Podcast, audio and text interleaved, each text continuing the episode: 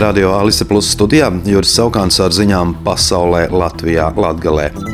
Amerikas Savienoto Valstu Federālā izmeklēšanas biroja aģenti vakar aizturēja 21 gadu vecu Nacionālās gvardes darbinieku, kurš tiek turēts aizdomās par slepenu ASV valdības dokumentu publiskošanu, tajā skaitā arī par Ukrainas karu. Dramatiskā aizturēšana, kuru tieši saistē parādīja ASV telekanāli, bija kulminācija nedēļu ilgai izmeklēšanai par vienu no postošākajām slepenas informācijas nopludināšanām kopš Edvarda Snowdena 2013. gadā īstenotās Nacionālās drošības aģentūras dokumentu publiskošanas.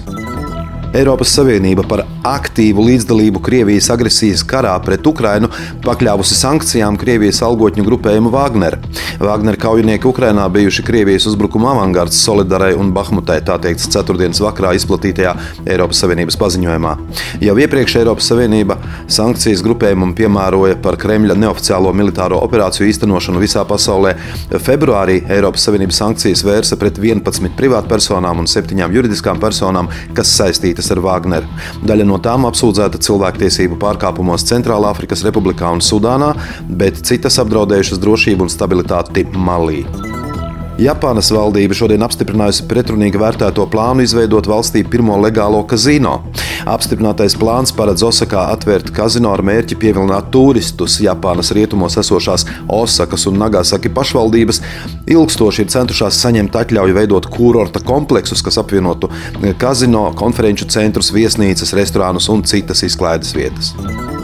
Meksikas varas iestādes šodien paziņoja, ka atradušas 209 migrantus, tajā skaitā 25 nepilngadīgos, pamestā kravas automašīnā valsts dienvidaustrumu štatā Verakrusā.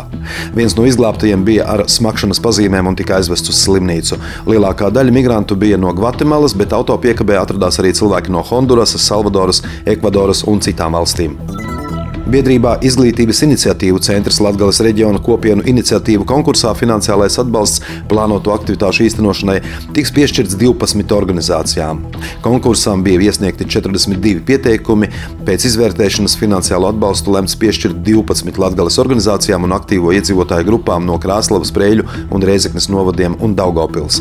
Finansiālu atbalstu aktivitāšu īstenošanai saņēma Krāslavas novada biedrība Laimīgi Indrā, pašvaldības iestāde Dagdas kultūras kultūras centrs, Priežmalis kopiena, Dagdas aktīvo iedzīvotāju grupa un Indras vidusskolas atbalsta biedrība Skola ar nākotni, tāpat Prēļu novada biedrība Jaunie spārni un nodibinājums Viduslatgales pārnovadu fonds, Daugopils biedrība Latgalēte, Daugopils iedzīvotāju iniciatīvas grupa un 26. pirmsskolas izglītības iestāde, kā arī Reizeknes novada Dekšāris pagasta iedzīvotāju konsultatīvā padome.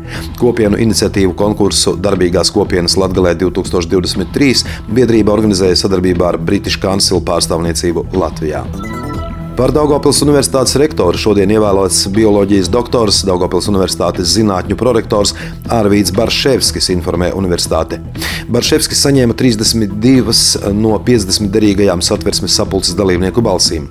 Uz šo amatu kandidēja arī bijusī izglītības un zinātnes ministre Ilga Šuplīnska. Jaunievēlētais rektors darbu sāks 26. aprīlī. Ziņu apskatu pasaulē Latvijā Latvijā veidoja Radio Alise Plus informācijas un ziņu dienests. Studijā bija Juris Saukāns.